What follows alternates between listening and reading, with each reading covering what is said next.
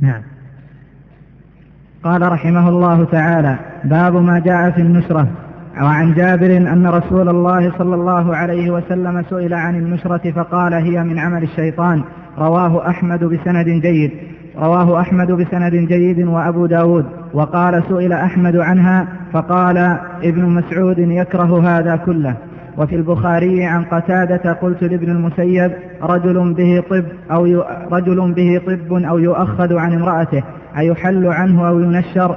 قال, قال لا بأس به إنما يريدون به الإصلاح فأما ما ينفع فأما ما ينفع فلم ينهى عنه انتهى. وروى وروي عن الحسن أنه قال لا يحل السحر لا يحل السحر إلا ساحر. قال ابن القيم النشرة حل السحر عن المسحور وهي نوعان أحدهما حل بسحر مثله وهو الذي من عمل الشيطان وعليه يحمل قول الحسن فيتقرب الناشر والمنتشر إلى الشيطان بما يحب فيبطل, عمله عن المسحور. والثاني النشرة بالرقية والتعوذات والأدعية والأدوية والدعوات المباحة فهذا جائز. باب ما جاء في النشرة النشرة متعلقة بالسحر وأصلها من النشر وهو قيام المريض صحيحا. النشرة اسم لعلاج المسحور. سميت نشرة لأنه ينتشر بها أن يقوم ويرجع إلى حاله المعتادة. وقول الشيخ رحمه الله هنا باب ما جاء في النشرة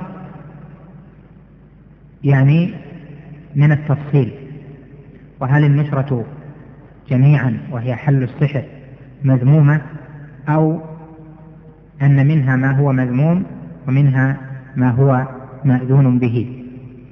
ومناسبة هذا الباب لكتاب التوحيد ظاهرة وهي أنه كما أن السحر شرك بالله جل وعلا يقدح في أصل التوحيد وأن الساحر مشرك الشرك الأكبر بالله فالنشرة التي هي حل السحر قد يكون من ساحر وقد يكون من غير ساحر الأدوية المأذون بها أو الأدعية ونحو ذلك. فإذا كان من ساحر فإنها مناقضة لأصل التوحيد ومنافية لأصله. فإذا المناسبة ظاهرة في الصلة بين هذا الباب وباب ما جاء في السحر وكذلك مناسبتها لباب التوحيد لأن كثيرين ممن يستعملون النشرة يشركون بالله جل وعلا. والنشرة كما سمعتم في الباب قسمان نشرة جائزة ونشرة ممنوعة. النشرة الجائزة هي ما كانت بالقرآن أو بالأدعية المعروفة أو بالأدوية عند الأطباء ونحو ذلك. فإن السحر يكون كما ذكرنا عن طريق الجن والسحر يحصل منه إمراض حقيقة في البدن ويحصل منه تغيير حقيقة في العقل والذهن والفهم. وإذا كان كذلك فإنه يعالج بالمضادات التي تزيل ذلك السحر. فمما يزيله القرآن. والقرآن هو أعظم ما ينفع في إزالة السحر. كذلك الأدعية والأوراد ونحو ذلك مما هو معروف من الرقى الشرعية. ونوع من السحر يكون في البدن يعني من جهة عضوية. فهذا أحيانا يعالج بالرقى والأدعية والقرآن وأحيانا يعالج عن طريق الأطباء العضويين. وذلك لأن السحر كما قلنا يمرض حقيقة. فإذا أزيل المرض أو سبب المرض فإنه يبطل السحر. ولهذا قال لك ابن القيم في آخر الكلام والثاني النشرة بالرقية والتعوذات والأدوية. والدعوات المباحة فهذا جائز. لأنه يحصل منه المرض وإذا كان كذلك فإنه يعالج بما أذن به شرعا من الرقى والأدوية المباحة. والقسم الثاني من النشرة وهي التي من أنواع الشرك أن ينشر عنه بغير الطريق الأول بطريق السحر. فيحل السحر عن بسحر آخر. يحل السحر الأول بسحر آخر. وذكرنا أن السحر لا ينعقد أصلا إلا بأن يتقرب الساحر إلى الجن. أو أن يكون الجني يخدم الساحر الذي يشرك بالله دائما. فيخدم كذلك حل السحر لا بد فيه من إزالة سببه وهو خدمة شياطين الجن للسحر للسحر. وهذا لا يمكن إلا الجن فإن الساحر الثاني الذي ينشر السحر ويرفع السحر لا بد أن يستغيث أو أن يتوجه إلى بعض جنه في أن يرفع أولئك الجن الذين عقدوا هذا السحر أن يرفعوا أثره. فصار إذا هذه الجهة أنها من حيث العقد والابتداء لا تكون إلا بالشرك بالله ومن حيث الرفع والنشر لا تكون إلا بالشرك بالله جل وعلا. ولهذا قال لا يحل السحر إلا ساحر. يعني لا يحل السحر بغير الطريق. الشرعية المعروفة إلا ساحر لا يأتي أحد ويقول أنا أحل السحر هل تستخدم القراءة والتلاوة والأدعية؟ قال لا. هل أنت طبيب تطب ذلك المسحور؟ قال لا. إذا فهو ساحر إذا لم يستخدم الطريقة الثانية فإنه لا يمكن أن يحل السحر إلا ساحر لأنه فك أثر الجن في ذلك السحر ولا يمكن إلا عن طريق شياطين الجن. الذين يؤثرون على ذاك. قال رحمه الله عن جابر أن رسول الله صلى الله عليه وسلم سئل عن النشرة فقال هي من عمل الشيطان. سئل عن النشرة السائل سأله عما كان معهودا معروفا عندهم في هذا الاسم وهو اسم النشرة والذي كان معروفا معهودا هو أن اسم النشرة إنما هو من جهة الساحر. النشرة عند العرب هي حل السحر بمثله. هذه هي النشرة عند العرب. ولهذا سئل النبي عليه الصلاة والسلام عن النشرة فقال هي من عمل الشيطان. وقال العلماء ال أو لام التعريف في قوله النشرة هذه للعهد. يعني النشرة المعهود استعمالها وهي حل السحر بمثله. فقال عليه الصلاة والسلام هي من عمل الشيطان. فضلا. لهذا سئل النبي عليه الصلاة والسلام عن النشرة فقال هي من عمل الشيطان. وقال العلماء ال أو لام التعريف في قوله النشرة هذه للعهد. يعني النشرة المعهود استعمالها وهي حل السحر بمثله. فقال عليه الصلاة والسلام هي من عمل الشيطان لأن رفع السحر لا يكون إلا بعمل شيطان جني ولهذا قال عليه الصلاة والسلام هي يعني الرفع والنشر من عمل الشيطان لأن العقد أصلا من عمل الشيطان والرفع والنشر من عمل الشيطان. فإذا هو سؤال عن نشرة عن النشرة التي كانت تستخدم في الجاهلية. رواه أحمد بسند جيد وأبو داود وقال سئل أحمد عنها فقال ابن مسعود يكره هذا كله. يكره هذا كله يعني أن تكون النشرة عن طريق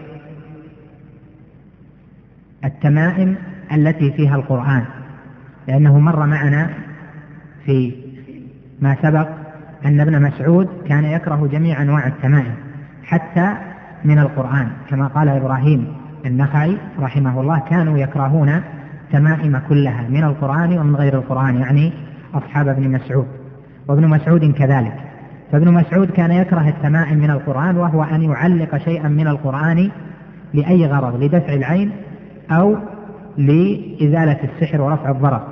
لهذا ابن آه لهذا الإمام أحمد لما قال له لما قال أبو داود سئل أحمد عنها يعني عن النشرة التي تكون بالتمائم من القرآن.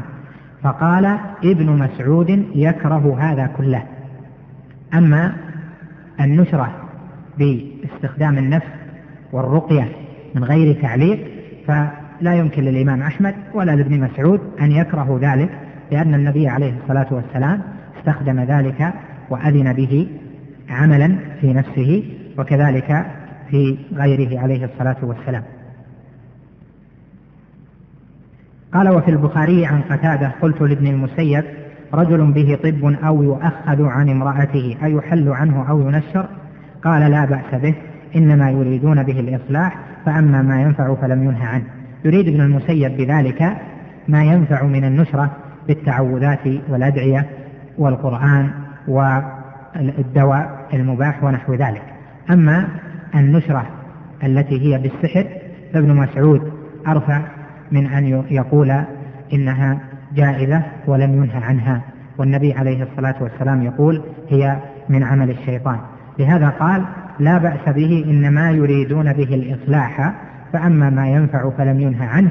أما ما ينفع يعني من الأدوية المباحة ومن الرقى والتعوذات الشرعية وقراءة القرآن ونحو ذلك فهذا لم ينهى عنه بل أذن فيه.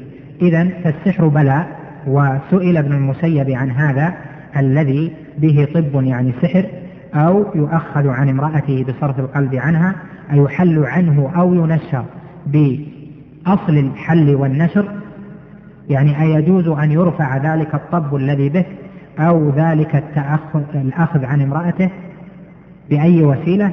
فقال نعم ما ينفع فلم ينهى عنه إنما يريدون به الإصلاح. ومعلوم أنه يريد بذلك ما أذن به في الشرع من القسم الذي فيه الذي ذكرنا من جواز فيه من جواز استخدام الرقى والتعوذات والأدوية والدعوات المباحة. قال وروي عن الحسن أنه قال لا يحل السحر إلا ساحر وهذا بينا معناه. قال ابن القيم النشرة حل السحر عن المسحور وهي نوعان حل بسحر مثله وهو الذي من عمل الشيطان وعليه يحمل قول الحسن. فيتقرب هذه حقيقة النشرة الشركية. قال فيتقرب الناشر والمنتشر إلى الشيطان بما يحب. كما ذكرنا لكم سلفا فيبطل عمله عن المسحور. هذه حقيقة النشرة الشركية. قال والثاني النشرة بالرقية والتعوذات والأدوية والدعوات المباحة. فهذا جائز إذا تبين ذلك فإن حكم حل السحر بمثله أنه لا يجوز ومحرم بل هو شرك بالله جل وعلا لأنه لا يحل السحر إلا ساحر. بعض العلماء من أتباع المذاهب يرى جواز حل السحر بمثله إذا كان للضرورة كما قال فقهاء مذهب الإمام أحمد في بعض كتبهم وله أو ويجوز حل سحر بمثله ضرورة. وهذا القول ليس بصواب بل هو غلط لأن الضرورة لا تكون جائزة ببذل الدين والتوحيد عوضا عنها. معروف أن الأصول الخمسة أولها حفظ يعني التي جاءت بها الشرائع حفظ الدين. وما هو دونها مرتبة؟ لا يبذل لا يبذل ما هو أعلى لتحصيل ما هو أدنى. وضرورة الحفاظ على النفس هذه لا شك أنها من الضروريات الخمس لكنها دون حفظ الدين مرتبة. ولهذا لا يقدم ما هو أدنى على ما هو أعلى أو أن يبذل ما هو أعلى لتحصيل ما هو أدنى من الضروريات الخمس. والأنفس لا يجوز حفظها بالشرك وهذا أن يموت وهو على التوحيد لا شك أنه خير له من أن يعافى وقد أتى بشرك بالله جل وعلا. والسحر لا يكون إلا بشرك والذي يأتي الساحر ويطلب منه حل السحر هذا معناه أنه رضي قوله وعمله ورضي أن يعمل به ذاك ورضي أن يشرك ذاك بالله لأجل منفعته وهذا غير جائز. فإذا تحصل أن السحر وقوعا وأن السحر نشرا لا يكون إلا بالشرك الأكبر بالله جل وعلا وعليه فلا يجوز أن يحل لا من جهة الضرورة ولا من جهة غير الضرورة من باب أولى بسحر مثله بل يحل وينشر بالرقى الشرعية.